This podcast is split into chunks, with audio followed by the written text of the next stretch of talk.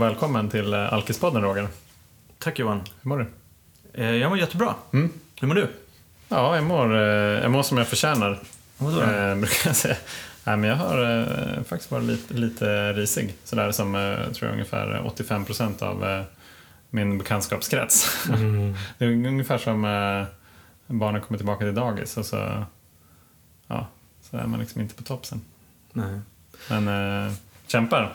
Ja, vad skönt. Jag är i vart fall nykter. Ja, härligt. Ja. Du, eh, och, och idag så, så... Det är bra att du ändå är på benen för att vi har ju, vi har ju fått förmånen att få hit en fantastisk gäst. Ja, Säg hej till... Alicia. Hej Alicia. hej Alicia. Hej. Välkommen. Tack så mycket. Hur känns det? Ja, det känns spännande det här.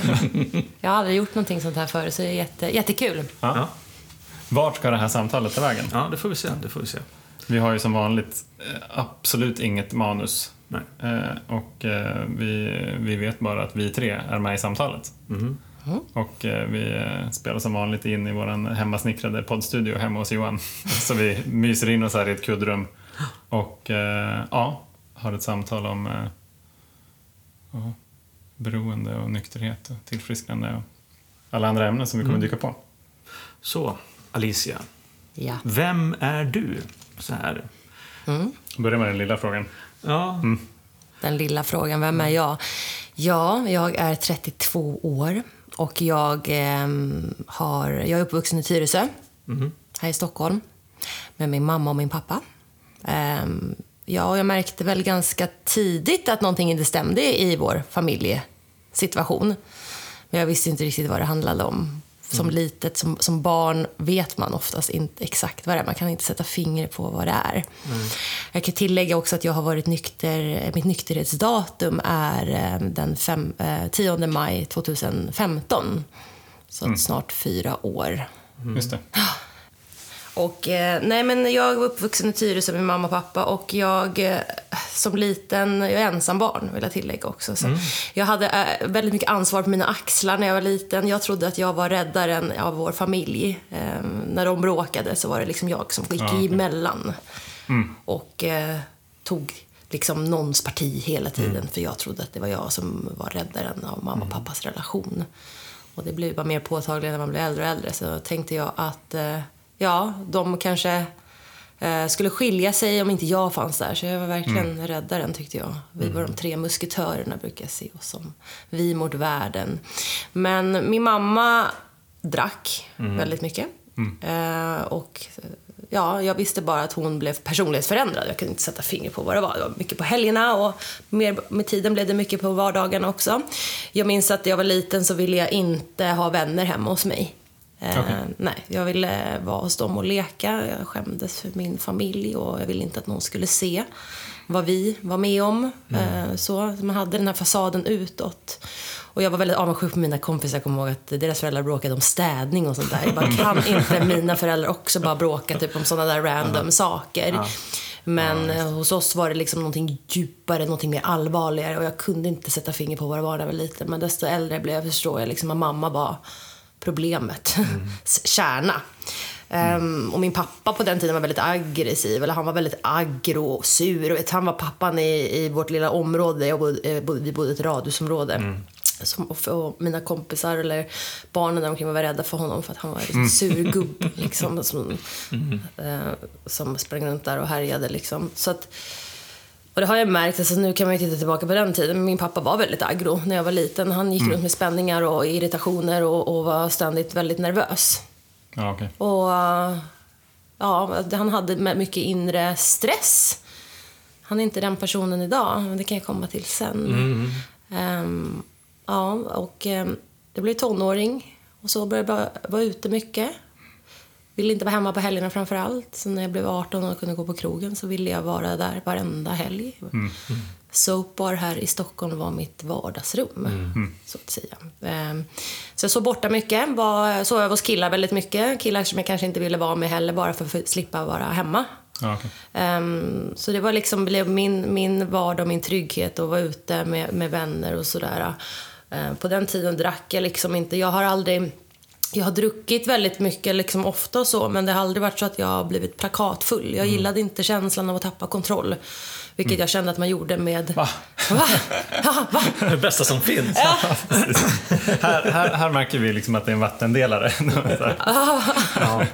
Men jag tänker så här också att det är säkert, nu har inte jag pratat med så här supermånga kvinnliga eh, missbrukare, alkoholister. Men eh, jag gissar att man som kvinna, alltså det finns några fler dimensioner att tänka på. Alltså när man är ute och eh, just det här med kontroll. Vi vita kränkta män, höll jag på att säga, vi behöver inte bry oss så mycket om vad som händer runt omkring oss. Och kanske de i ens närhet. Så att det, vi kanske inte, eller jag tänker att jag på samma sätt inte kanske var, hade det i mig att vara så rädd för att tappa kontrollen. För att jag, ja, jag vet inte. Visst, jag kunde få stryk och sånt där. Men det hände ju aldrig heller av någon jävla anledning. Men eh, en fråga. Eh, vi kom ju ganska snabbt, snabbt till eh, 18 år där. Men Hur, vad hade du för relation till, alltså till alkohol till exempel då, eftersom tidigare, i och med att din mamma höll på? Tyck, alltså, började du ändå i tidig ålder eller höll du ifrån det där? Ja, när jag började väl dricka som alla andra i min omgivning eh, vid typ 15-årsåldern kanske. Ja, just och då var det inte, det var ingen plakatfylla direkt. Jag har haft några plakatfyllor. Och det var där jag kände också att jag gillar inte att spy och ha minnesluckor. Och jag gillar inte den känslan väldigt tidigt. Och jag, jag var den som väldigt ofta tog hand om folk som blev för fulla. För det är lite det som jag har fått med mig när jag var liten. Att jag tog hand om min mamma. Jag drog hem henne från grannarna när jag var liten. Hon hade gått och kraschat deras fest. Och hon, jag vaknade upp när jag var liten och hon var borta mitt i natten när min pappa var kanske bortrest. Och det har jag liksom tagit hand om henne. Och hon var ju Dr Jekyll och Mr Hyde som man brukar prata om. För att hon var en, liksom en, en fantastisk kvinna. Och envis och smart och var verkligen min förebild i livet. Medan den andra sidan var ju en jävla mähä som jag avskydde. Hon var inte aggressiv, hon var bara väldigt mähä, loj och typ helt annorlunda. Och jag, jag, jag, det var en obehaglig känsla som barn att inte kunna veta vad jag hade henne. Jag har tänkt på det här efterhand väldigt mycket. Att för den här, eh, det blev rörigt när jag var liten. För min pappa var en person jag inte tydde mig till alls. Men han var den jag tydde mig till när min mamma var som hon var när hon var eh, påverkad av alkohol. Så att jag har liksom aldrig haft någon riktigt trygg punkt. Jag, för att det var alltid mamma som var nummer ett. När hon var nykter liksom. Hon var ju det bästa jag visste. Och så. Ehm, så att det, jag har alltid varit den som tagit hand om folk också när de har varit, blivit för fulla på tonårsfesterna och, och sådär. Hållit någons hår när de har spytt. Och det var liksom min lilla roll. Jag, jag kände mig hemma och trygg i den rollen mer än att jag själv just var den som var helt borta liksom. Det. Så där började det, den resan så att säga. Ehm, ja, sen... ehm, ja, det har, sen när jag var 18 och var ute mycket och sådär. Jag minns alltså, jag kunde liksom pendla... Jag, den här obe, alltså, jobbiga situationen att man, man... Jag skrek till min mamma väldigt mycket och skrek så hemska fula saker. Jag kunde slå henne. Eh, Jag kunde skrika på henne och göra så allt. Sen dagen efter då hade jag så mycket respekt för henne för då var hon sig själv. Och då vågade inte vi prata om det. Det var den här klassiska rosa elefanten i rummet som ingen pratade om. Ehm, och jag kunde skrika alla vidervärdiga saker till henne men sen så var jag så orolig att hon skulle ta livet av sig eh, på grund av allt jag har sagt. Så då ringde jag alltid tillbaka till henne när jag hade stuckit iväg och bad om förlåtelse och var så här lugn och varför jag var så orolig att hon skulle göra någonting. Liksom. Ehm, så att, så- från barndomen kommer jag inte ihåg så mycket. Jag kommer ihåg, mamma vart i fokus. Jag vet inte ens pappas roll. Jag var liksom, han har flytit runt där i periferin. Lite så. Mm. Så att jag, jag var ute mycket och det tog jag på i den vägen. Sen så när jag blev 21 så ville jag leva mitt liv. Jag ville bort. Så jag flyttade till Australien. Oj, det var ganska långt bort. Det var väldigt långt bort. Mm. Nej, men jag ville leva mitt liv. Jag ville ut och göra min grej och slippa vara hemma, minns jag. Att, att ha, bara inte bry mig. Jag ville gå in i någon bubbla. Och då flyttade jag och min kompis till Sydney. eh, Min bästa kompis. Och droger har ju aldrig till exempel funnits som någon huvudgrej i vårt liv. Där jag är uppvuxen i Tyresö, så det, på den tiden det var inget. Det var någon som boffade lim, kommer jag ihåg. Och man bara var så här, Va? Vad gör personen? Så, katastrofalt. Ehm, och, så och min bästa kompis då, Marik, Hennes pappa dog av en heroinöverdos när hon var två år. Oj. Så för oss har droger alltid varit någonting, om man testar droger, då dör man. Det är liksom det som jag har alltid trott och byggt upp en jätterädsla kring det. Så- Precis, det är det här dödsknarket vi Ja, pratade om dödsknark, innan. ja. Precis. Det läskiga. Ja, precis. Det läskiga. Nej, men så att vi, det har alldeles funnits på världskartan att vi skulle testa någonting. Och i Sydney är droger jätteliberalt och jättevanligt. Och om man inte tar droger där, när, vi, när jag var då 21 där omkring, mycket festivaler och allting, då, då var man lite konstig. För Ja, där okej. tar många dro- droger, det är som att dricka. Vad var, alltså, ni, ni åkte dit, var det för att jobba eller plugga eller mm, Jobba! jobba? Ja. Mm. Vi tog sån här working holiday-visa, Ja. som det heter. Och vi var där för att leva livet. Och eh, Planen var att vi skulle backpacka runt, men vi fastnade i Sydney och ville vara där. Vi, ville, vi skapade ett liv där, vi skaffade vänner och jobb. Vi började jobba på en bar och, och det, var, det, var, det var, hade väldigt roligt så. Och jag kom i kontakt med eh, droger genom några killkompisar vi lärde känna. Och på nyårsafton då, när jag var 21, så, så testade jag kokain första gången. För att han var ju så här, det är ingen fara och man, ja, övertalningsförmågan. Och, och efter jag testade kokain första gången så kände jag, det här var ju inget farligt, det hände ju ingenting. Och då, då, då var det som att den här rädslan kring droger bara total försvann. Ja. Men hände det, alltså, kände du ingenting? Jag kände mig bara lite piggare. Det var liksom en väldigt diffus. Det var inget så här, jag trodde att det skulle hända värsta grejer. Man skulle se saker, man skulle hallucinera. Jag hade ju ingen koll. Vi var, ju- jag hade ju liksom inte researchat någonting Nej. egentligen. Nej. Vi bara visste att det var farligt med droger. Ja, precis. Så då, både min komp, hon testade också den kvällen och då var det så här som att rädslan för det där var total försvann. Ja. Så att, Men ni märkte att effekten blev vad den blev då? ja, det var lite så, det var väl liksom, man var lite gladare, lite, lite piggare.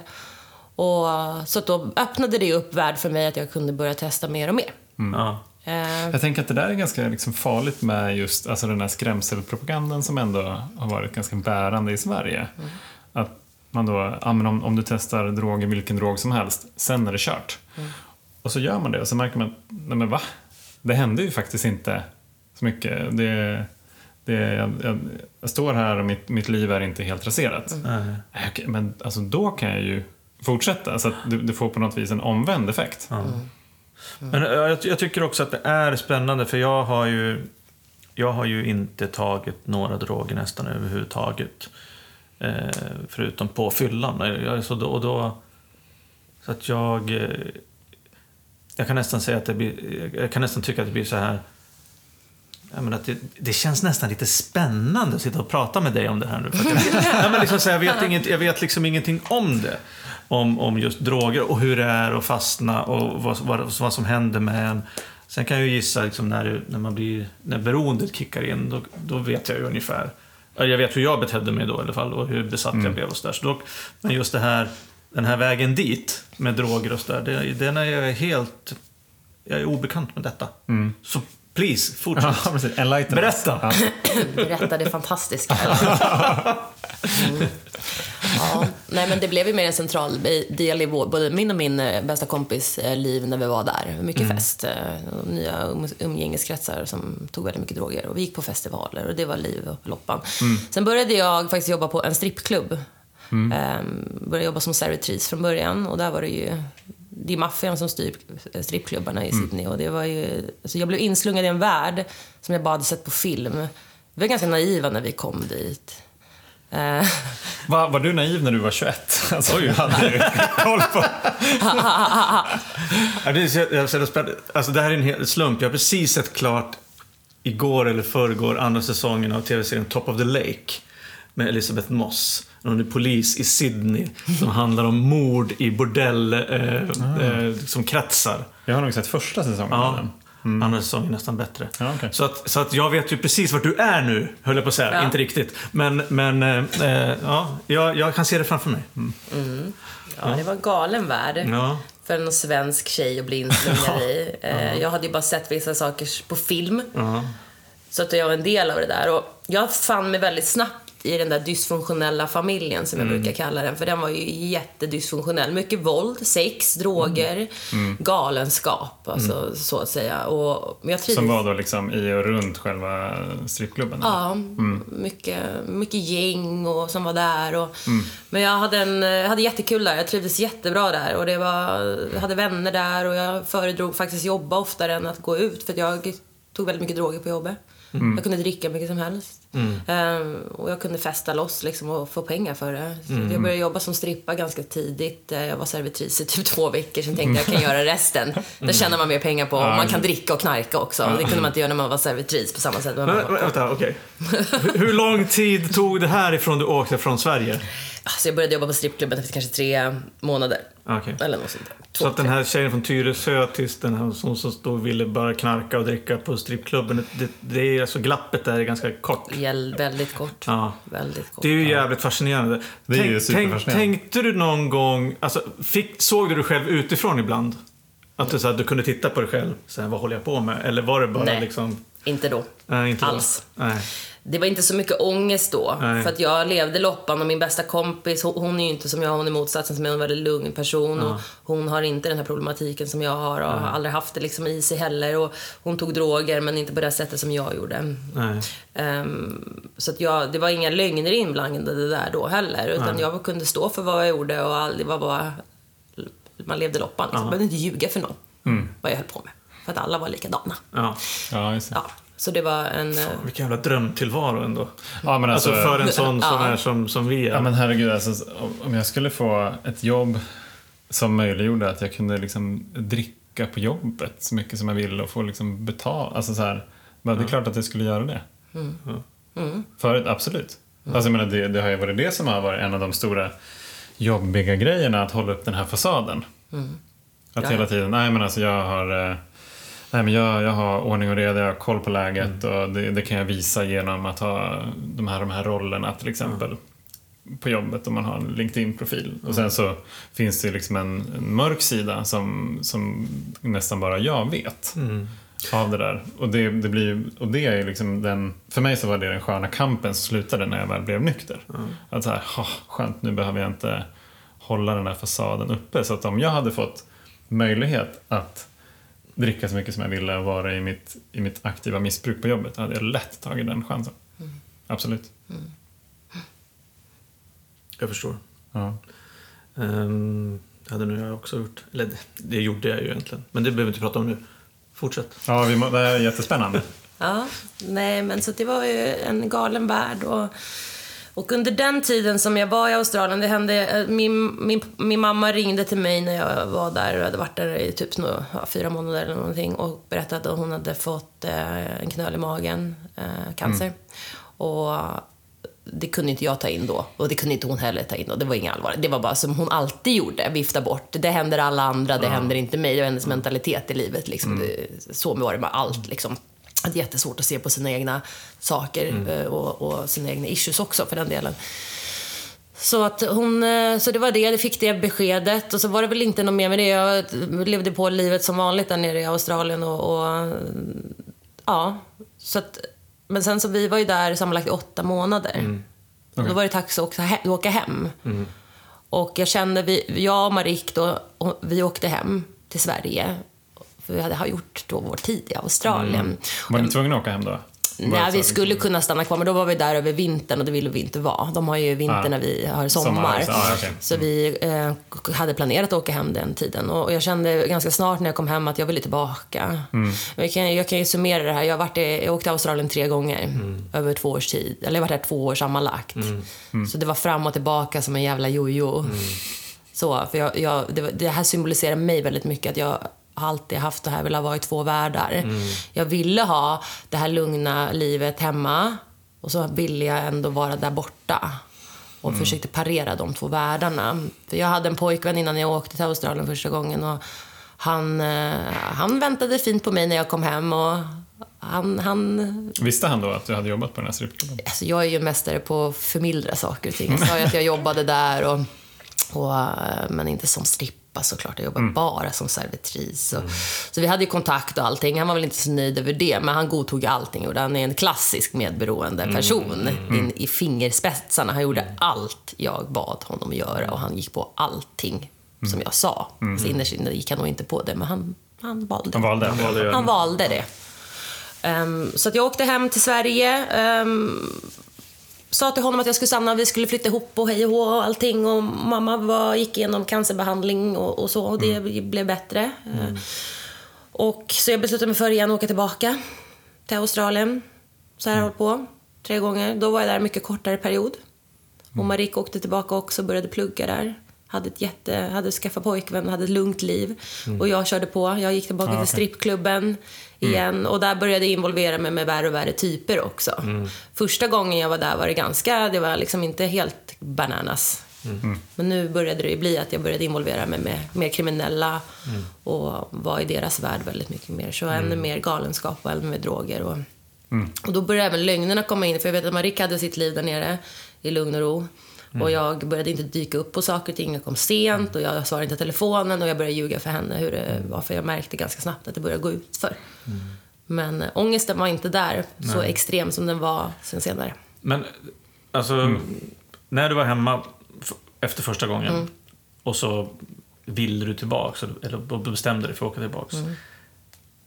Gjorde du det då med, med att du, du var medveten om att du, att du ville du att det skulle bli värre liksom? Ville du liksom du, liksom, suga ur ännu mer ur den här liksom, eh, ja vad man ska säga, eh, Galenskapen, eller? Ja, galenskapen och det här liksom... eh, Var du sugen liksom på att liksom köra i hela... Eller tänkte du att du åker tillbaks men tar det lite lugnare? Nej, jag tänkte verkligen inte. Jag åker tillbaka och tar det lite lugnare. Jag, jag ville tillbaka till min dysfunktionella, galna familj som var strippklubb. Jag kände mig så hemma där. Så det var, jag kände mig verkligen, jag var någon där. Ja, ja jag, jag fick fattar. uppmärksamhet, jag fick bekräftelse och jag var någon. Jag var den svenska tjejen på strippklubben också. Ja, ja. Så jag var ju Hur stor verkligen... är den här familjen? Det måste man få en bild av. Alltså det var ju tre chefer och kanske sammanlagt jobbade väl 15 tjejer från olika länder. Mest i Australien då. Så jag var ju verkligen någon som stack ut där. Och jag älskade, om jag ska säga så här, jag älskade att manipulera män. Det var också en sport för mig. Jag gillade att få dem att tycka att de eh, var speciella. Och så kunde jag ta pengar av. Jag gillade det där. Och var liksom psykolog också lite i allting. Och sitta och prata med dem och de öppnade Ja, upp sig. Och, och så. Det var en sport. Så att hela den jaktgrejen gick jag igång på också. Ehm, men sen, den gången var jag i Australien bara i fyra månader tror jag. Ungefär. Sen åkte hem igen. Och min mamma Hur kommer det sig? Jag bestämde mig. Jag, jag hade ju, då var jag tillsammans med, jag vill bara mm, poängtera att jag var tillsammans med min pojkvän från Sverige under de här fyra månaderna. Ja. Och han var i Thailand och tränade på thaiboxning. Han har alltid varit så här hälsointresserad. Så det var en kontrast till mig. Liksom. Så att jag hade kvar honom som pojkvän hela tiden, men körde mitt race. Var systematiskt otrogen och allting. Men jag ljög och ljög och ljög för honom och lugnade ner honom. Så att han... Va- varför kände du att du ville ha kvar honom Mm. som pojkvän? Det var en trygghet. Ja. Och jag visste ju någonstans att jag skulle komma tillbaka till Sverige. Mm. Det var ju det som var planen. Så då var ju han en trygghet av att komma tillbaka till när jag kom hem. Men, men sista gången jag åkte tillbaka till Australien, då, då gjorde vi slut. Och då pluggade jag också då. Okej. Då är det enda sättet att få visum på. det var att jag skulle plugga. Så jag pluggade grafisk design där. Eh, var inte någon stjärnelev, om man säger så. Nej. Nej, och då var jag där i, skulle, hade planerat att vara där ett år. Och eh, min plan var den gången att flytta till Australien för gott. Hitta en man, gifta mig och, eller bara, för jag, min, min vision var att jag skulle leva på en lyxyacht och glida Ja. runt och ta massa droger hela tiden. Soft. Ja, det var lite min drömvision. Eh, Så jag pluggade där. Ehm, Sen så under de här perioderna vill jag också säga, när jag var hemma i Sverige under de här perioderna. eh, Jag vet att jag letade väldigt mycket efter droger första gången vi var hemma. Då, var jag så här, då letade jag väldigt mycket efter droger ute på krogen här hemma. Eh, Hur gick det då? det gick åt helvete. För då var det inte förankrat i mig på samma sätt. För första vevan jag var i Australien var väldigt ny till droger. Jag visste inte vilka människor jag skulle titta efter här hemma. Jag visste inte vart de fanns. Jag kände inga som tog droger. Så det var jättesvårt att hitta. Ehm, så det var ju en slump jag hittade en person efter ett tag. Och då kom drogen in i mitt liv här hemma i Sverige också, men på väldigt, ganska låg nivå. Men Vad innebär det? att det var inte liksom galenskap som det var i Australien. Ah, okej. Vad, vad pratar vi om för droger nu då? Kokain och amfetamin. Då hade jag amfetamin. Tar man det liksom samtidigt? Eller jag, jag vet inte. Nej, jag för, mitt huvuddrog och det jag föredrar är kokainet. Ja. Amf- Amfetaminet håller i sig längre och eh, jag gillade också känslan av kokainet Det medför jakt också. Att man tar hela tiden. Aha, Eh, Jag gillar jakten, jag har alltid gjort det. Hitta folk som har och manipulera dem så att jag får. Jag köpte mina egna grejer också till en början. Men sen var det verkligen jakten jag var ute efter och hitta olika umgängen som jag eh, kunde få. Så det var min huvuddrog. Men amfetamin använde jag också när det inte fanns kokain. Mm. Mm. Så ja, när jag var i Australien sista gången. Ja, alltså, jag- Förlåt? jag- jag- Eh, Jag sitter och räcker upp handen här. Eh, vad ty, alltså, om vi är här, du hade kommit hem och du åkte tillbaka och du var till, tillbaka till den dysfunktionella familjen. Vad gjorde drogerna med dig då? Alltså nu, nu använder du droger regelbundet. Jag, eh, Alltså, hur, hur, hur, alltså varför? Tog du det för att du inte kunde låta bli eller tog du det för att du blev, fortfarande blev eh, euforisk och energisk och så vidare? Mm, ja, jag trivdes jättebra med att vara påverkad Ja. då och eh, det var för mig, alltså livet var en fest liksom. Det var på den tiden det faktiskt var en fest. Eh, Jag hade jättekul liksom och Hur gammal är du då ungefär? eh, 24, 20, så 24 var det jag när jag kom hem från Australien sista gången. Ja, okej. Okej. Så 21 och 20 ja, 23. Lite rörigt den här perioden. det är lite rörigt för mig att ha min, min life story så, så fin som det är. Att, eh, Men just för de här tre olika gångerna jag åkte tillbaka. Det blev Ja, en stor jävla gegga. Fram och tillbaka, fram och tillbaka. Var ska jag bo? Var ska jag inte bo? Ska jag ha förhållande där hemma? Ska jag vara duktig och sofistikerad och sen så vill jag vara strippa liksom. det var liksom... Ja, precis. Ja, det låter som att det är en slitning mellan många olika Det är en saker. slit- var en slitning. Alltså, här, länder, vem, vem är jag, vad ska jag göra? Men fan, jag, jag tycker ändå att det är spännande det här med att hitta liksom en, ja, kalla det för någon typ av hemvist. O, oavsett om det är ett land eller en, fam, en dysfunktionell familj eller ett jobb eller en sinnesstämning. Liksom. Att hitta hem på det där sättet. Jag kan förstå liksom att jag förstår slitningarna mellan att vilja vara där och också vilja vara hemma. Eh, Det är väl som att hitta en gemenskap. ja, Ja, alltså, men det var verkligen en gemenskap. Ja. Jag, brukar kalla det för min gemenskap då. Ja. Vad gemenskap är för mig idag.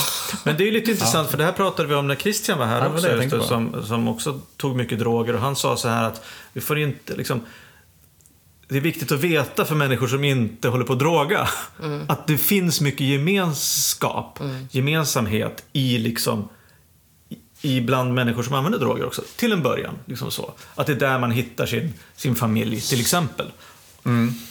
Så att det är klart, all, alla, alla som dricker och knarkar liksom börjar ju inte dricka och knarka för att, li, för att allting ska bli skit. Liksom, utan man har ju kul.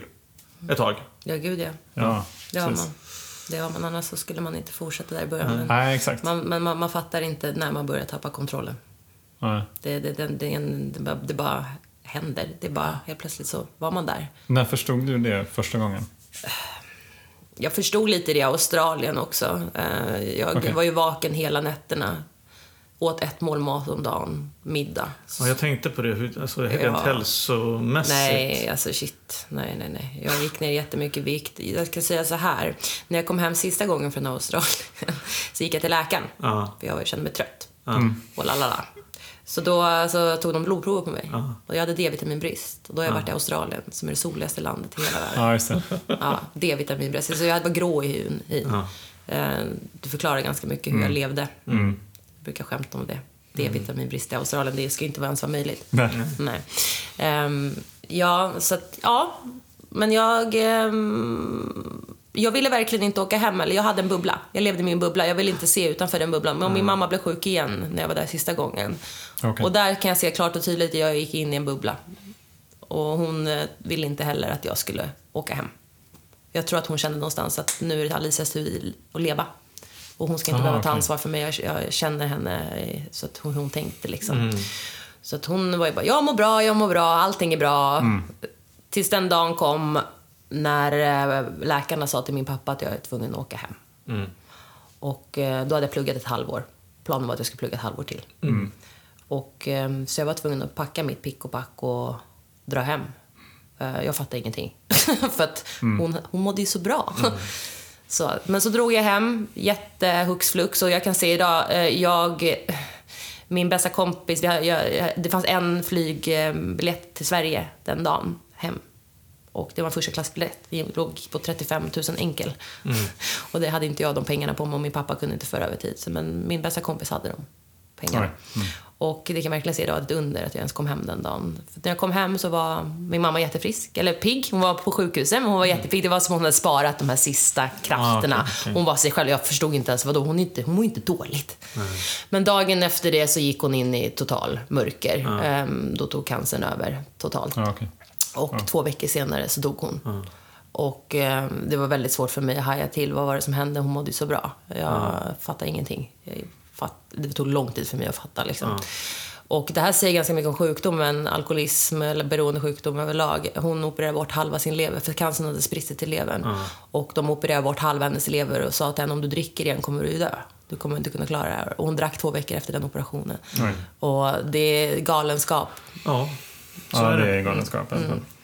Så det, det är så det ser ut och det, det jag tycker beskriver den här sju- sjukdomsbilden så kraftigt. Hon, min mamma var jätte, hon pratade om vad hon skulle göra på sommaren in i det sista liksom och det var det, alltid varit väldigt levnadsglad på det sättet. Men eh, nej, det där var över hennes förstånd liksom och som tar över henne som en demon liksom. Så att, eh, ja, så att hon dog två veckor senare efter att jag kommit hem och där började väl mitt fall totalt. Ja, Ehm, för då hade jag tagit hem, jag tog hem min destruktiva levnadssätt väldigt kraftigt som jag hade i Australien fast på en helt annan nivå hem till Sverige. Och under den tiden jag hade börjat prata drogspråket som jag brukar säga. Jag kunde hitta människorna helt plötsligt som tog droger, jag kunde se dem. Jag brukar se det, eh, jämföra med såna eh, det dataspelet Sims. När de har såna här gröna små... Ja, det var så, jag såg dem överallt och jag visste precis hur jag skulle prata med dem. Jag visste precis hur jag skulle hitta droger.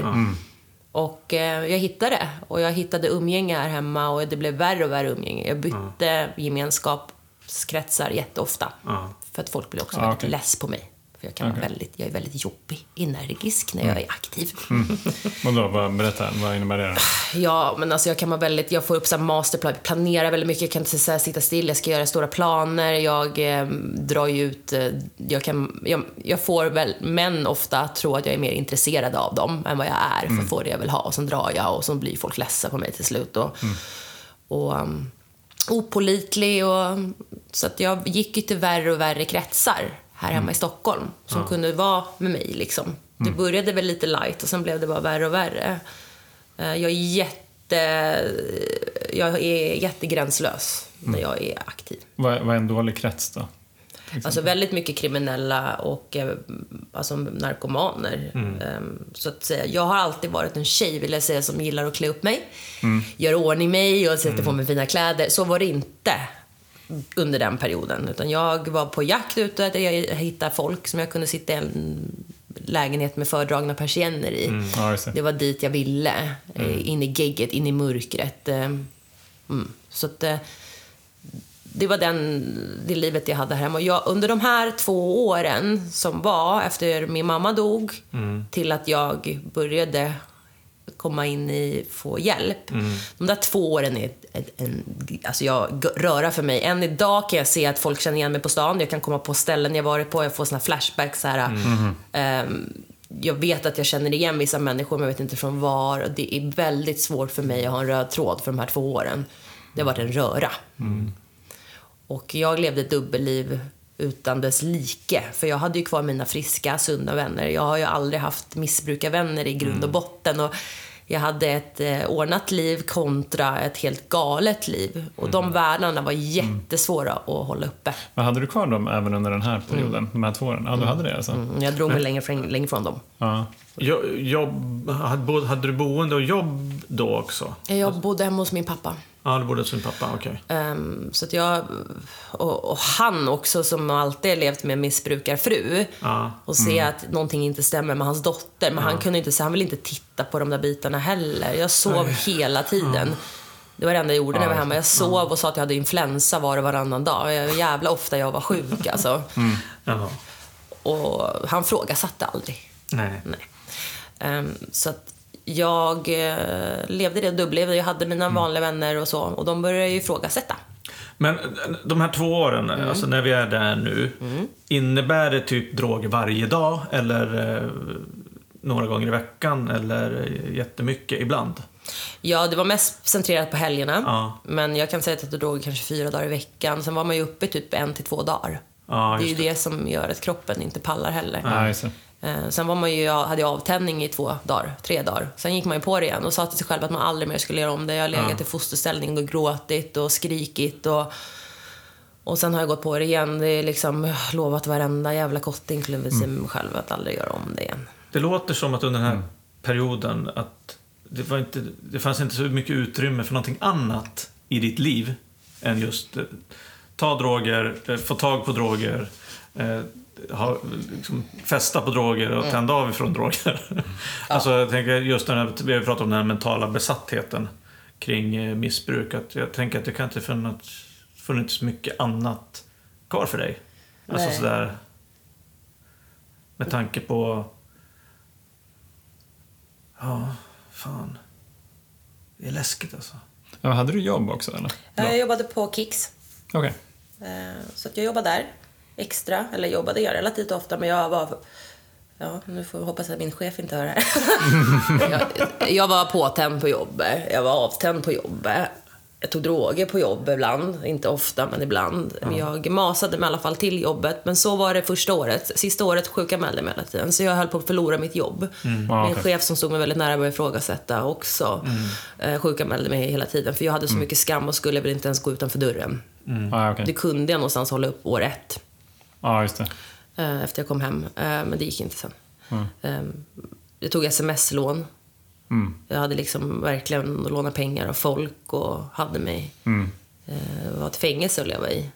För Det enda jag tänkte på, hur ska jag få tag i droger? Vil- Vilka ska, hur ska jag få tag i pengar? Vilka ska jag umgås med? La, la, la, la, la. Det var det enda jag tänkte på. Och, och jag ska kontra in här att, att jag hade ju min då pojkvän fortfarande kvar under den här perioden. Jag Ja. tvingade honom bli tillsammans med mig igen efter jag kom hem och min mamma hade dött. Jag ser det idag. Jag bara, du, hur kan du inte vara tillsammans med mig? Du måste. Han ville inte. Nej. Men jag fick honom att vilja. Så vi var tillsammans och han, han körde sitt, han var ju pluggat till hälsocoach liksom. Var helt jävla galenskap. Och jag var liksom, eh, bara som sagt systematiskt otrogen, eh, bara ljög. Vredesutbrott, slog sönder hans fönster hemma, slog honom, välte stolar, bord och bara, för jag var så här eh, han stängde ju bara av. Och jag, jag hade väldigt svårt att prata om min mammas bortgång och allting. Liksom, och Det var mycket känslor som inte fick utrymme till att komma ut på ett normalt sätt. Men eh, vid den här tidpunkten då, kunde du, brukar du ibland titta på dig själv uppifrån och tänka att vad fan håller jag på med? Ja, det tänkte jag då Ja. också.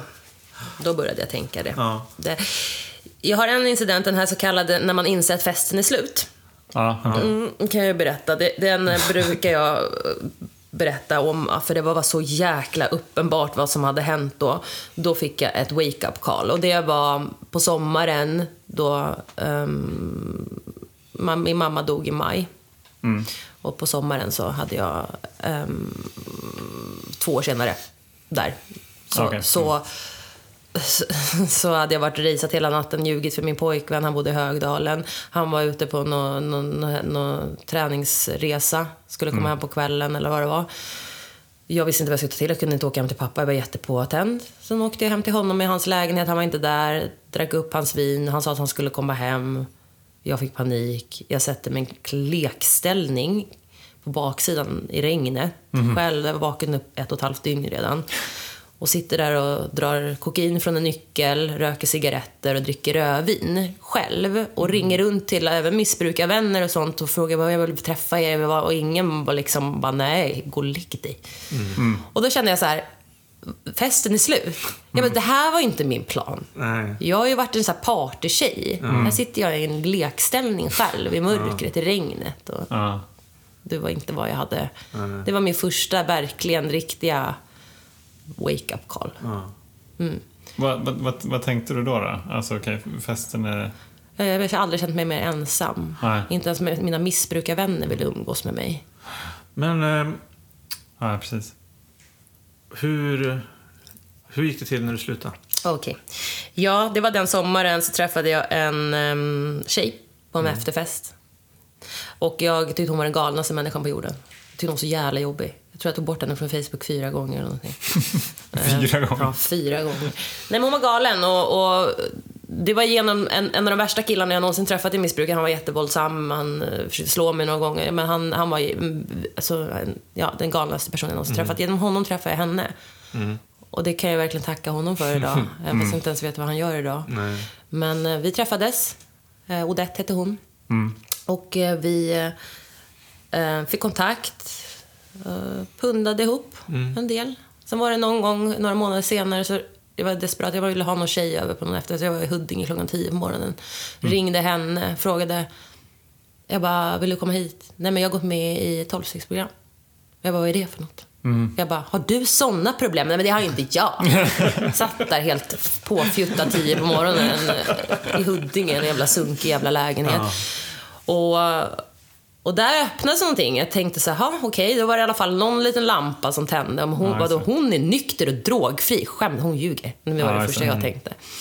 Ehm, Såklart. Ja, och det var väl den rätta timing också för att jag hade precis, jag, mina kompisar hade ifrågasatt, min bästa kompis Marikta, hon bodde fortfarande i Australien. Eh, tack och lov, jag, jag, hon var där så hon kunde inte ifrågasätta mig under den här tiden. Men hon kom hem på den sommaren och det var tur det också. Mycket så här fall på plats. ja, ja, för hon började se. Ja. Och min, även min andra bästa kompis, som, det var de här fönstren som öppnas ibland, när man vill berätta för alla hur det verkligen var. De stängs ju väldigt snabbt. Precis. Och jag kommer ihåg några gånger jag ville berätta för min, en av mina närmsta tjejkompisar, Denise, att jag hade problem. Så ringde jag henne, hennes telefon var avstängd eller var upptaget eller vad fan det var. Och sen ringde hon upp mig någon, någon, någon timme senare och då, då hade ju fönstret stängt. Och då sa jag till henne, det var ingenting. Det. Jag, kommer ihåg, jag ville verkligen berätta hur illa det var. Sen var det omständigheter som gjorde att mina lögner uppdagades och både, alltså alla de runt omkring fick reda på hur illa det var. Och eh, då berättade jag också. Och så direkt när jag hade berättat hur illa det var, hur mycket droger jag tog och vilka jag umgicks med och allting, då, då ångrade jag mig såklart sekunden efter. Ja, så att jag eh, kom, jag kom med på Maria Capio, drogklinik här på Söder i Stockholm. Och eh, för att min kompis bokade tid till mig där. Jag gick där, kände mig inte hemma. På den tiden visste de inte så mycket om vad 12-stegsprogram. De skickade inte folk dit. Nej. För det här var ju sex och ett halvt år sedan ungefär. Och eh, på den vägen eh, var det lite och efter att jag varit på Maria Capio ett tag så, så kände jag mig des- desperat och... Men du höll dig drogfri då, eller? Nej, Nej, okej. typ. Nej. De kunde inte hjälpa mig tillräckligt nej, nej. mycket. Men det var första gången jag verkligen berättade hela sanningen för någon och det var väldigt skönt. Ja. Och ehm, för en, en terapeut där. Ja. Men det funkade inte så bra där. Jag kände mig inte så här... Jag hade, de hade ju inget konkret att göra där. Nej, riktigt så, på den tiden. Och de ville sätta mig i någon grupp med heroinister och jag bara “Hjälp, vad fan! Jag har ju bara lite problem med kokain. Och amfetamin inte så mycket, men jag vill kunna dricka igen.” Det var liksom, som jag alltid gjort förut. Nej, men så jag ringde den här tjejen till slut efter några nederlag och då kom jag med på ett tolvstegsmöte en söndag. Och det jag minns var att det var väldigt mycket värme och kärlek i de där rummen. Hur var det att gå på det första mötet då? Nervöst. Och eh, jag visste inte, hade inte mycket att förvänta mig. Jag, men jag, jag är ganska hemma med människor så jag pratade med folk och sådär. Jag var inte någon blygis som satt i ett hörn. Men jag förstod inte vad det innebar. Nej. Jag visste bara att hon hade gjort någon förändring. Ja. Men jag minns värme och kärlek. Och jag minns att folk pratade samma språk. Men det var en text som var på det mötet, som jag brukar också dela om. att Det var en text i början av mötet som gick, vi snortade och sniffade vilket vitt skräp som helst från golvet när våra påsar tagit slut. Och den texten är den enda jag minns från det mötet. Och det kommer jag ihåg för jag bara, de har också gjort det. Alltså jag har suttit så många gånger och snortat upp skräp från golvet som man letat efter korn och det var ju lite skamligt. Och det kommer jag ihåg, att den texten, den lilla, lilla raderna, gjorde att jag kände så här, wow. Och det är identifikation då? Ja, det var eh, identifikation Ja. på hög nivå. På den vägen var det. Sen har min resa inte varit spikrak efter det. Nej. Hur var det i början av den, då, den vändan då? Jag tog eh, en spons- henne som sponsor, då, Odette. Ja, okej. Den tjejen som tog in mig i de här rummen. Och jag var inte villig. Jag, jag förstod inte att... Eh, jag, trodde, jag ville få bukt... Jag ville sluta använda droger droger. Ja. Men jag ville kunna dricka igen. Ja, jag jag, stängde dö- dövörat till för jag tänkte så här... Jag vill bara... Det är bara det är kokainets fel att det är så här. Nu vill jag börja kunna dricka igen som en gång i tiden jag kunde. Så jag hade jättesvårt med det där. Varför var det viktigt? Eh, jag vill inte sluta, jag var inte villig att sluta med allting. Och jag, men jag, Vill du tillbaka till festen fast liksom kunna klara av det? Ja, men jag ville tillbaka, så jag ville typ eliminera de där åren som hade varit. Ja, liksom, jag och bara tillbaka till den tiden när jag kunde gå ut och dricka utan att bli...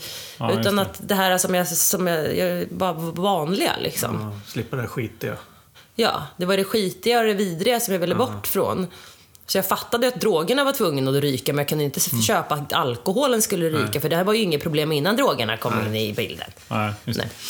Så att, ehm, men jag ut och in i programmet. Jag tog sek, eh, 12 återfall på, på, på, på sex månader. Varav jag tog bara sex nykomlingsbrickor. Ehm, det var Mm. Min det? strategi. Nykomlingsbrickor det är varenda gång du tar ett återfall så får du en, en vit Ah, Varje bricka. gång du kommer Tillbaka. Till, ett- till, tillbaka till ett möte. Ja. Ja. Mm, eller om du kommer som ny så Ja, får du en vit ja. bricka. Det. Så det var några gånger du glömde bort att säga att du hade... Ja, men jag hade ju eh, eh, mentaliteten en gång, ingen gång. Det sa en polis till mig när han tog, jag blev tagen för snatteri när jag var liten. Han sa en gång, ingen gång. Och då tänkte jag varenda gång jag tog ett återfall, jag bara, en gång, ingen gång. Och så fick jag så mycket ångest för det första återfallet, så, jag tog ett till. varje gång. Ja. Åh, fan vad bra. Ja. Så jag tog, eh, jag, jag tog bara en bricka då, eller jag kom tillbaka och berättade om mitt eh, andra återfall. Men det var, jag Ja. berättade inte om det första, så höll jag på i ett ja, halvår. men det är ju skitlogiskt ju. Ja, ja precis. Så logiskt.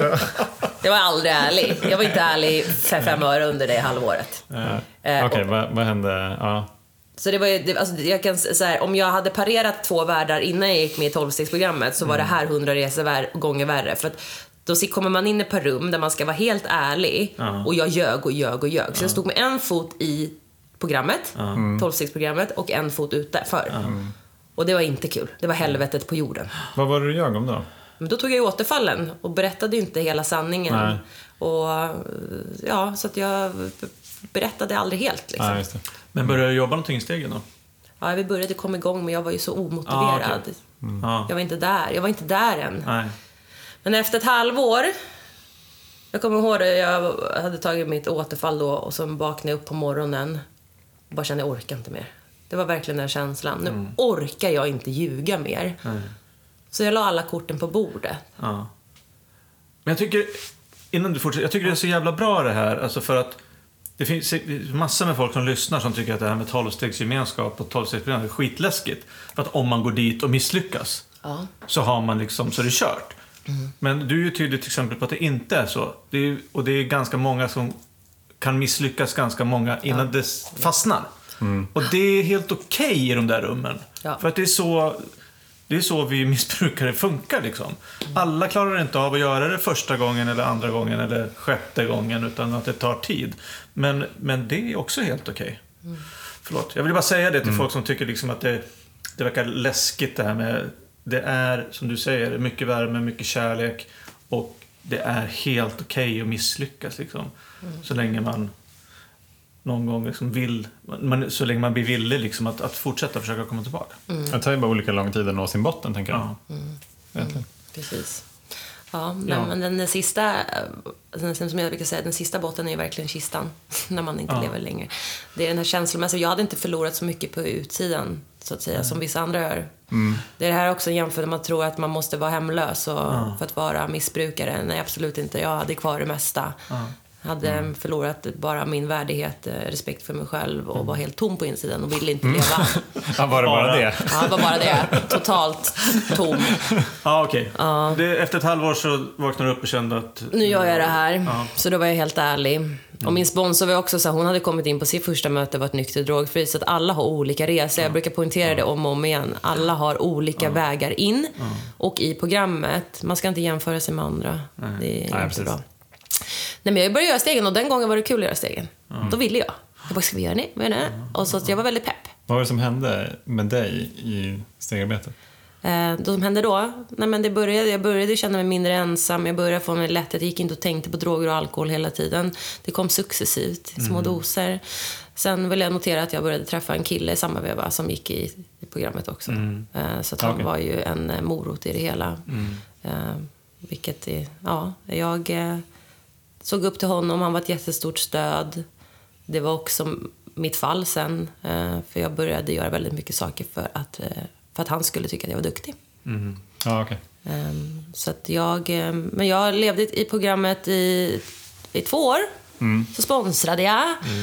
Och gjorde mycket, så jag hade bra tillfrisknande första året. År två började det dala ner och det kan jag se idag. För att jag började se tolvstegsprogrammet, alltså att göra service som det heter, att hjälpa till i programmet och ta på sig roller. Att jag började se det som en, eh, någon hierarkistege. Ja. Som en karriärstege. Och eh, jag och min då kille som jag träffade där och vi gjorde slut. Det var dysfunktionell relation, fram och tillbaka, galenskap. Där.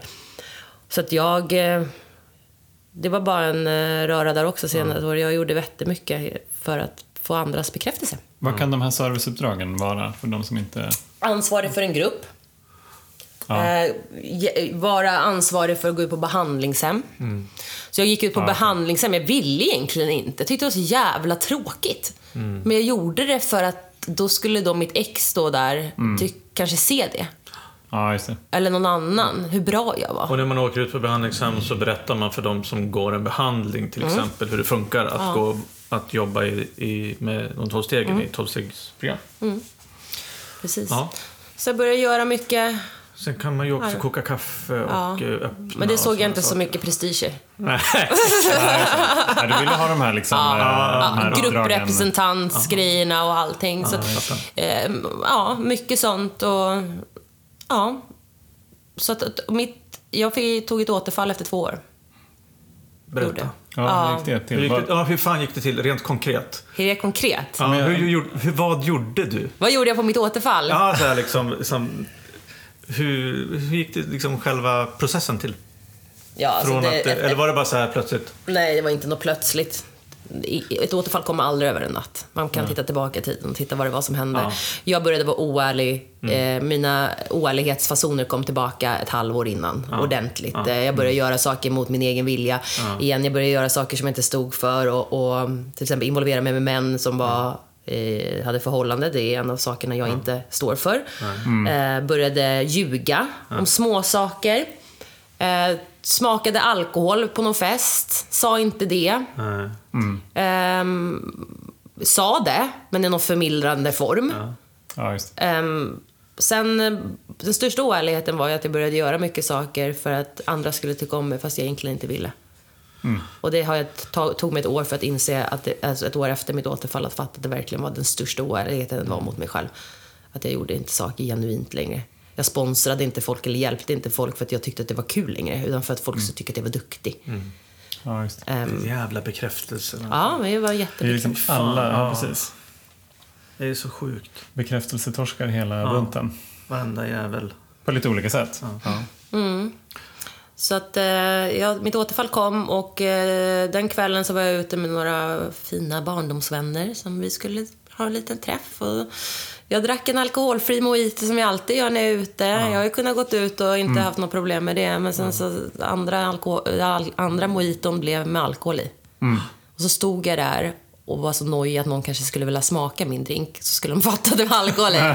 Så körde jag att jag mådde dåligt Ja. och var, ville åka hem. Ja. Och då, vi var på Stureplan, kommer jag ihåg. Och så, så drog jag in, stack jag till någon jävla sunkig bar som låg där och bara svepte två glas vin. Hörde av mig till en kille jag vet använde. Eh, åkte till honom ute på Kvarnholmen, Nacka. Åkte och tog droger.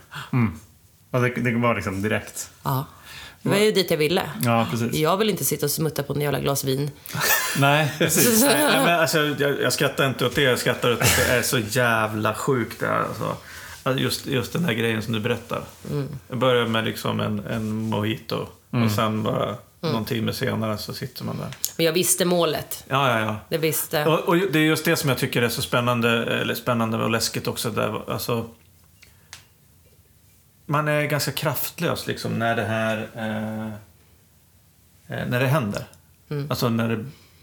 Man är inte mycket att sätta emot. När han, de här som mojiton och sen Amorilla, liksom, och dricka vin och sen nästa kontakt, droger. Liksom. Det, det finns ingen kraft, misstänker jag. Liksom, att, det är svårt att stoppa när man väl är där. Liksom. Man sätter ju igång den här galenskapen igen. Alltså det är inte så att den rampas upp långsamt. Nej. Känns det, ja. Ja, och... Eh, Hur länge höll... Ett och ett halvt dygn. That's it bara. Det var som att ramla över en kant. I mitt, mitt återfall så försvann, försvann all prestige jag hade byggt upp. Det var mycket skam. Jättemycket skam. Folk var så chockade när jag kom tillbaka sen. Efter, Jag kom tillbaka efter typ, men jag gick tillbaka efter några dagar efter det där. De var så chockade för att jag hade ju lagt upp en jävla megafasad. Ja. Just det. Även ja, innan programmet. Ja. Men mitt återfall, då var det liksom så här... Jag tog massa droger, han, han gick och la sig. Och det var, jag är väldigt glad att jag inte hade mina kontakter kvar längre. Jag hade brutit allt. Så jag hade ingen att ringa. Nej. Då kunde det Nej. fortsätta inåt helvetet. Det gjorde inte det. Men jag vet jag gick och rökte cigaretter från marken. Det är så jag är. Jag hade inga cigg. Jag, gick, jag får så här besattheter. Gick och plockade fimpar från marken och var helt galen. Och så. så åkte jag hem till mig själv, snodde hans ADHD-medicin, satt och snortade den. Ja, men du vet, helt s- sinnessjukt. Så stod jag och skrek åt mig själv i, i spegeln. Du, bara, jag, du är ett monster, jag hoppas att du dör, skrek jag om och om igen. Och det, liksom, jag ser bara en skärva av mig själv stå kvar där. Och, och, För när, när, när drogerna börjar lägga sig så står lilla Alice där, eh, i en liten skärva kvar. Och, så. Jag, jag har ju flera gånger under när jag har tagit återfall och så här, fått droger i kroppen och stå- kommer på mig själv stå och hånle åt mig själv i spegeln. Det är som att någon jävla djävul kommer och tar över min kropp alltså. Ja. Så typ, nu fick jag det igen. Typ, Men är det liksom... eh, För jag, jag kan känna igen lite av det där man har alltså den här rösten i sig som... som ibland kan den vara sådär, peka finger åt världen. Ibland kan den peka finger åt mig liksom. Du är en jävla idiot liksom. Eh, och eh, ja men verkligen ja, men, alltså, förnedra en. Sådär, Den här rösten som pratar sådär. Det är läskigt som fan det där. Självhatet. Men, Jaha, men alltså- hur var det liksom där? Hörde du av dig till någon i programmet under själva återfallet? Ja, till min sponsor. Ja, det gjorde det? Ja. Sen så, Hur, men, hur tänkte du då? Alltså för jag, jag, jag, jag tänkte, vad hade jag gjort om jag hade varit inne i den här... Alltså det är så mycket skam. ja, det var jättemycket skam. Jag tänka mig också. Jag vill inte att han ska få reda på det här. Men om jag vill bli nykter så måste han ju få reda på det. Ja, nej, jag ville Ja. inte bli nykter i den stunden utan jag ville bara... Nej, grejen var att jag skulle stå på en loppis med henne.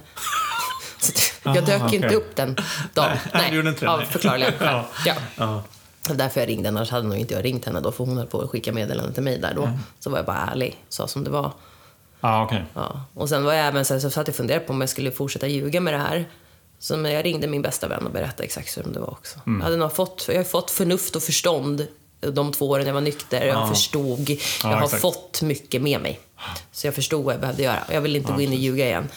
Och jag är jätteglad för, för jag, tog, jag gick tillbaka och tog då mot den så kallade vita brickan tre dagar efter det här återfallet. Och det är jag glad att jag gjorde. Ja. För att på, på, det var på onsdagen och på fredagen så, så var jag så jävla arg på mig själv att jag tagit den där jävla brickan. För då kunde jag, när jag, när jag varit nykter i två år, då kunde jag väl lika gärna använt lite till. Ja, Den här lilla djävulen som satt och sa. Men jag är så Ja, glad att jag bara tog mig i skinnet och gick tillbaka snabbt som Ja, exakt. fan. Så ja, precis. Jag menar, man vet ju inte om man slutar. Nej, vissa kommer ju tillbaka efter fem, sex år, förlorat allt igen, eller tio Mm. år, eller vad fasiken det kan vara. Och raserat allt igen. Och det finns ju de som inte kommer tillbaka. Nej, de som dör eller de som... Ja, alltså det, det, ja, jag är jätteglad att jag klev Ja. tillbaka direkt. Men det, det är intressant för att, jag menar, allt det vi lär oss i, i tillfrisknande nykterheten och i, tolvstegsprogram, jag menar, vi har ju med oss någonstans ändå. Mm. Alltså just den här, eh, så här känslan av att vara ärlig till exempel. Så här, Ja. hur, hur, hur mår jag? Jag, så här, jag vet ju hur jag mår. Sen så beror det på liksom hur stark förnekelsen är, min egen förnekelse mot det som jag har upplevt. Men, men det, det är ju en jättestyrka att ha det, att ha den erfarenheten. För det gör ju att man, som du gjorde nu, alltså att, att återfallet inte blev längre än bara någon dag. Utan att det... Men, ja, precis. Och om du ska prata programspråk så tror jag det... ehm, jag tänker att det har ju, för mig är det liksom... Det är det, att man har fått, fått lite andlighet i sig. Att man liksom har det där kvar, att det finns någonting i en som, och utanför en som hjälper till. Ja, fan vad spännande. Men så blev du nykter igen då, det var 10 maj 2015. Ja. Det blev jag. Ehm, och då var det all in. Jag tog en ny sponsor. Jag och hon Odette hade blivit väldigt nära vänner. Så det blev lite rörigt. Ja. Eh, Jag har henne som vänner fortfarande idag. Och det var det vi var ämnade till tror jag, att vara. Ja. Väldigt nära vänner. Så jag tog en manlig sponsor faktiskt. Ja. Hård som sten. Jag var typ lite rädd för honom. Jag hade nog inte kunnat tagit honom första gången jag kom in i programmet. Nej. Eh, Då hade jag nog inte varit villig att göra det. Men jag var det nu. Ja. Så att jag var all in. Ehm, Så vi gjorde stegen. Fem månader tog det. Kände du att du fick, när du gjorde, för du gjorde, du hann med alla stegen de första två åren också? En gång. Ja. Kände du att du... I och med att nu, nu har du åtminstone, jag ska inte säga åtminstone hållit dig nykter i fyra år eller drogfri. eh, Men det verkar som du har hittat liksom ett annat ställe att vara på. Var det någon skillnad att göra stegen för andra gången än första gången? Ja, gud ja. Ja, Vad, ja. vad var största skillnaden? Är, känner du att det är med ärligheten? ja. Ja. Ärligheten. Jag har inte gjort eh, stegen för andra gången alls när, med prestige. Nej. Eh, ingenting... Eh, all prestige blev borta i och med det där återfallet. Ja. Så det var bara liksom, allting bara var lugnt och härligt liksom. Mm. Ehm, så jag... Kom det en hund här? Ehm, ja, nej men allt eh, bara var... Det var annorlunda. Mm. Och min sponsor som jag jobbar med andra gången, han fick verkligen hopplösheten i sjukdomen tryckte vi på. Och jag fick in, Mm. Det var som att alla de här tomma hålen man hade bara fylldes med annan information. Ja. Och jag förstod verkligen att jag är körd med den här sjuk- sjukdomen. Alltså det är verkligen, det är verkligen kommit in i mig att jag behöver göra det här. Och jag vill göra det här idag. Hur kom ni fram till det? Det här är ju det är ju spännande. Alltså, hopp, berätta mer. Vad, vad, vad gjorde ni för övningar för att komma fram till liksom... Ja, alltså han, steg ett, som är att inse, inse att man har är maktlös inför här sjukdomen och sitt liv. Den blev så hindra 100 procent den här gången. För jag tror, om man verkligen är 100 procent med att man, man behöver göra det här och man har den här problematiken, då behöver man inte dividera med sig själv. För förhandlingen med sig själv är den jobbigaste. När man ska sitta och, och prata om med sig själv, kan jag, kan jag inte? Jag vet att jag aldrig kommer kunna använda någon sinnesförändrande substans någonsin mer igen och då behöver jag inte ens förhandla med mig själv. och det hjälpte, andra gången jag gjorde stegen så förstod jag det så klart och tydligt. För jag hade ju liksom någonstans under de här två åren jag var nykter först bara, "Men det kanske var för min mamma dog som det blev så här. Ja, det kanske var ditten och det kanske var datten. Ja. Nej. För nu efter två år, efter återfallet, jag, menar, jag bearbetar hennes död, jag har gått Mm. i terapi när det gäller de sakerna. Och eh, det var det är någonting annat, men jag vill inte som jag sa, sitta och sippa på ett glas vin. Jag vill in i mörkret. Sitter i min ryggmärg. Precis, men det är också som det står någonstans i texten. Det, så det, det är det här, alltså vem vill erkänna ett totalt nederlag? Alltså det är ju liksom sådär att man, är, man måste fan fatta att ja, men det här, jag har förlorat den här matchen. Den här kampen mot droger eller alkohol eller den här sjukdomen. Det är kört liksom. Nu gäller det att, att göra saker för att jag ska kunna få ett normalt liv utan, utan det där. Ehm, ja, Det finns ju en sån Spännande. jäkla kraft i att erkänna sig maktlös. För att då är, det en, då är det en kamp som jag inte behöver ta någonsin igen. Ja, verkligen. Alltså det är ju, Ge upp. ge upp och, eh, och lägg den energin på någonting annat. Ja, verkligen. Ehm, och den här gången, jag började ju sponsra väldigt eh, efter de här stegen ordentligt. Och då, när jag sponsrade den här gången, förut var det som en jakt på sponsorer när de här skulle hjälpa. Jag ska ha det som en tävling. Vem Ja, kan få den här nya tjejen och hjälpa henne? Nu är det så här, den här gången är det bara så jag litar på förloppet. Det kommer till mig och det har det gjort på en helt annan grund. Folk som kommer och vill ha min hjälp och jag vet att jag kan ge den. Utan att ha någon jävla prestige att jag ska sponsra jättemånga. Nej. Och jag ska vara duktig. Berätta vad, vad det innebär att eh, sponsra.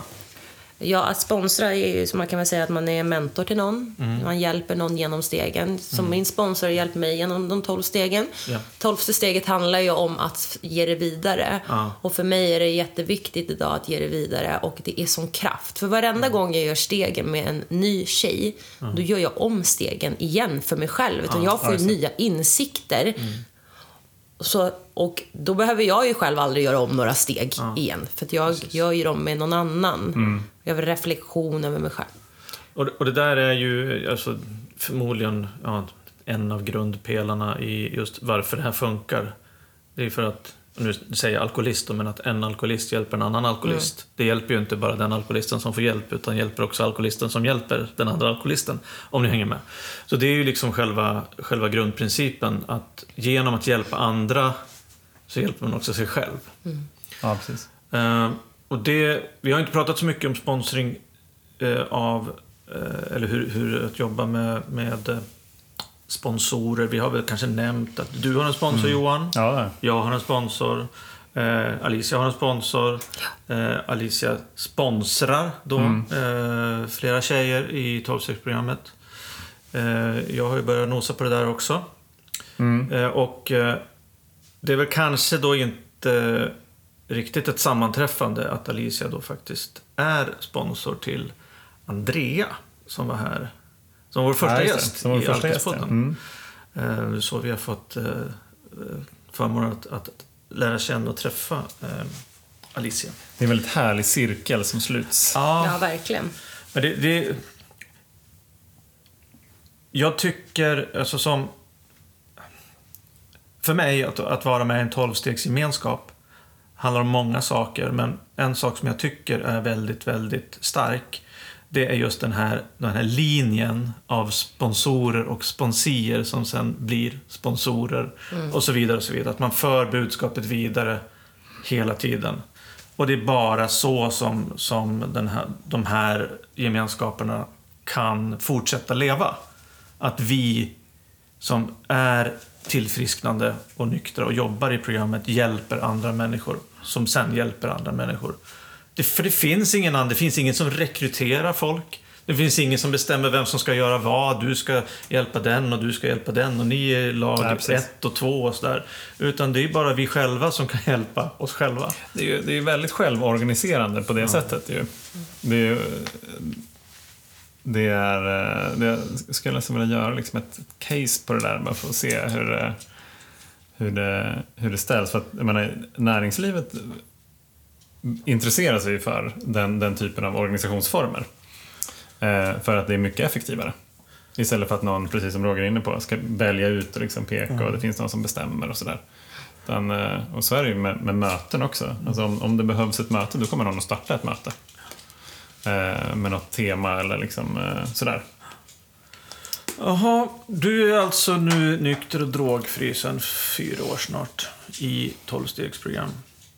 Precis. Hur känns det? Det känns fantastiskt. Eh, livet händer ju. Jag har gått igenom ett av de tuffaste åren i min nykterhet någonsin. Mm. Förra bes- separation och, och min hund dog och det har varit bara så allting kom på en och samma gång. Och, ja, missfall och det var, det var bara kaos. Ja, okej. Men det jag har märkt att alltså, jag har all, den här gången så här, jag, om jag fortsätter göra det här så kommer det bli bra.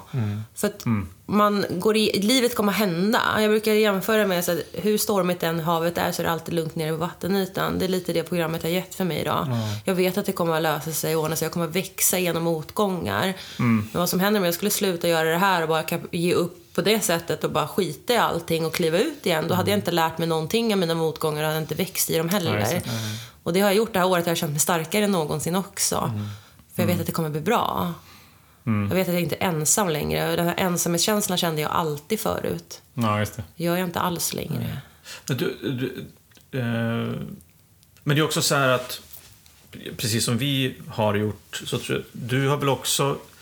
Du har ju hittat en stark gemenskap i, i, i programmen. Liksom. Att du, du känner att är det din nya Ja, dysfunktionella det var precis familj? det jag skulle säga. Det Ja. är min nya dysfunktionella Ja, familj. Är att alla, de flesta som går är ganska dyssiga. Men kärleksfulla. ja. Ja, precis. Ja, men gemenskapen är jättekraftfull och eh, för mig är det jätteviktigt också det här att man jobbar med sig själv så att man klarar av att vara med sig själv utanför mötena. Ja, precis. Det, och fungera i det vardagliga livet, på mitt jobb och med de människorna ute i livet också. Och det hjälper ju då stegen mig med.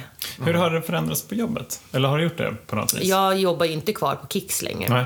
Men jag började plugga i samma veva som blev nykter och drog för första gången, marknadsföring. Och, så att jag har jobb där inom idag och det fungerar bra. Och jag kan bidra väldigt mycket till livet idag.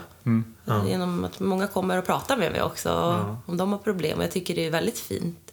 Ja, Och jag är Även väldigt- på jobbet då? Ja, jag är väldigt öppen med min nykterhet. I början var det ju lite svårt. Tyckte det var lite skamligt, speciellt efter mitt återfall också såklart. Men idag har jag inga problem med att vara öppen med de flesta. Ja, just det. Nej. Hur, hur, vad, vad får du för reaktioner? Eh, positiva. Mm. Eh, någon gång är det någon som blir negativ, men då brukar jag ha fattat att den personen kan ha lite problem själv. Ja, Det ja, fanns ju kan- ingenting som störde mig så mycket när jag var aktiv, någon som jag var nykter eller inte Ja, ville ta droger med mig. Då var jag ju jätteförnärmad och kränkt, typ. Som jag tog det personligt, liksom. Ja. Tror du att du är bättre än mig? Typ den där känslan. Ja, just det. Ja, just det. Ja.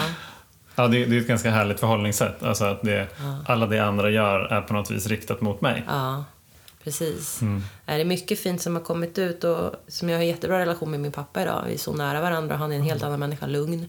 Mm. Så han, så han, han gick i terapi efter min mammas bortgång, han är en ny kvinna idag. Mm. Helt annorlunda. Och um, jag har ju förlåtit min mamma för allt, vill jag också påpeka. Jag har ju liksom verkligen, vi gör ju det här tillsammans idag, känner jag. För hennes Mm. Ja, blod fint. är ju mina ådror och hon var inte kapabel till att Ja, erkänna att hon hade den här sjukdomen. Det är bara Ja, starkt. vad fint. Ja, det känns, jag fick en sån känsla när- någon gång att verkligen, vi gör det här ihop Alicia.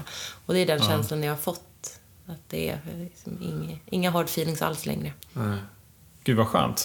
Ja, Att, inte fan vad behöva, att inte behöva bära vidare Mm. det. Alltså det. Det kan man ju göra genom hela livet såklart. Mm. Men, det, men det tjänar ju verkligen ingenting Nej, till nej. heller. Mm. Oh, ja, det var starkt. Ja, det är jättefint. Det, Jag tycker det, det känns som en, en jättefin eh, avslutning på just din berättelse. Mm. Nu tänkte jag kolla med Johan här. ehm, vad tar du med dig ifrån allt det här fantastiska? Ja, men jag tror eh, det, var, det var en action-packed story. Ja, verkligen. Ja, men jag tror att ehm, jag, jag tror så här att det, det, det finns så mycket som är, eh, som är samma ändå. Alltså, menar, det kan vara på olika platser. Och så här. Jag har aldrig jobbat på en strippklubb i, i Sydney men, men liksom mycket av galenskapen känner jag ju igen. Liksom här, när, när det sätter igång då är det som att jag är helt ägd av det. Jag, kan, jag har verkligen ingen egen makt att kontrollera någonting av det som händer när jag är i det aktiva. Mm.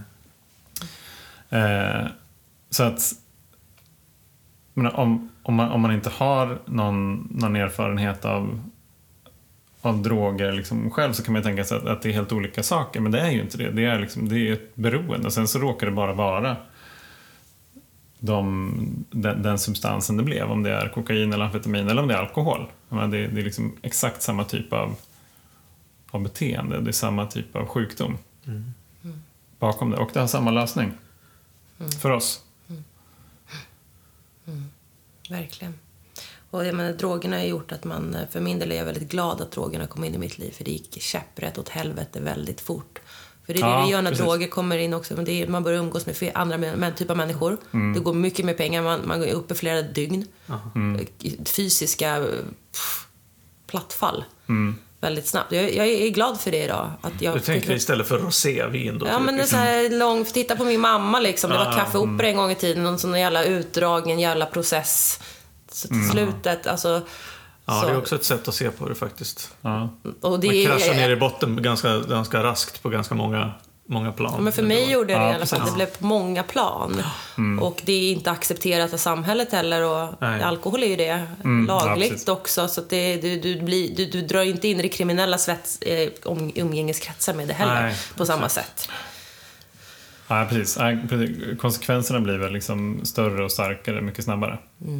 Egentligen. Ja, jag tycker, Vad tänker du då? Ja, jag tänker så här att eh, jag är jävligt glad att du är här. Jag är jättetacksam för att du eh, är så ärlig i, i det du har berättat om. Och jag känner liksom det, att det finns, att det är liksom genuint. Så jag tycker att det, eh, ja, för jag tycker att det är jävligt viktigt att kunna vara ärlig. Inte, det kan vi ju, eller Många av oss kan ju vara det när vi är i, i de här rummen där vi känner oss trygga och, eh, och bekväma, det vill säga i tolvstegsgemenskap. Men jag tycker också att det är jätte, jättefint och jätteviktigt att kunna vara ärlig på det sättet du har varit idag gentemot liksom en, alltså lite offentligt så. För att det är, det är fan så här det ser ut för folk. Mm. Och man lyckas ehm, göra någonting åt den här sjukdomen så ska man fan också få, få kunna berätta det. Sen tycker jag också att det är väldigt, eh, att det är väldigt jag, blir så, jag tycker det är jätteläskigt att höra om återfall. Eh, vilket är bra att jag tycker det. Eh, så att... Eh, jag Ja, tycker- strunta i det. Ja, jag tycker att det är fantastiskt. Har du någonting som du vill liksom så här, skicka med ut? Ja, alltså det jag brukar säga, om det är någon som lyssnar på det här som, som har problem, Ja. är att drogerna och alkoholen finns alltid kvar där ute och man har ingenting att förlora på att ge det här en ärlig chans. Om det inte funkar sen så får man väl, "Vad finns det där ute igen? Då kan man gå tillbaka dit då. Men att verkligen ge, ge det en ärlig chans, för ärligheten har varit det som jag har fallerat på varenda gång när det har varit fram och tillbaka, upp och ner. Var helt omutlig ärlig med, med någon och dig själv. Hur, hur gör man för att vara ärlig? Ja, hur gör man för att vara ärlig? Bara lyssna inte på den där lilla djävulen som sist säger att du ska ljuga om saker och ting. Nej. Och att, att inte bry sig så mycket om vad andra tycker och vad lägger för värderingar. De jag hjälper idag, jag, jag lägger ju ingen personlig värdering i om de sitter och berättar någonting de har gjort som är skamfullt. Och det Nej. som är så kraften också, att jag är en utomstående person som inte har något personligt band till den jag hjälper på det sättet. Nej, det. Jag lägger ingen värdering i någonting. Jag vill bara att den personen ska vara ärlig för att den ska kunna bli fri sen. Ja. Ja, just det. Mm. Ärlighet ger frihet. Ja, verkligen. Ja, fan vad, fan vad stort. Och eh, ni som lyssnar, om, om ni känner att ni vill komma i kontakt med Alicia så kan ni göra det genom oss, alkispodden gmail.com. Så kan vi skicka det vidare. Eller hur? Ja. Ja. Ehm, har vi något annat? Några övriga meddelanden till gruppen? Övriga meddelanden till gruppen? Eh, nej, trevlig helg tror jag. Jag känner mig ganska tagen av, eh, av samtalet. Ja. Jag tänker mycket på, på ärlighet och frihet. Och, eh, ja. nej, jag, jag tror att vi, så här, vi vill ha fler gäster eh, av Alicias kaliber, vilket är svårt att hitta, men vi, vi blir väldigt glada och tacksamma över att du, du var med i samtalet och att det behövs fler röster. Eh, så att om ni, om ni känner att ni vill vara med så hör av er. Ja. Tack Alicia. Tack så mycket. Ja, tack så Fint jättemycket. att vara med. Tack. Ja. Och ni som lyssnar, vi hörs väl nästa vecka? Ja, vi gör väl det. Trevlig helg. Bra. Kram. Hej då. Hej då.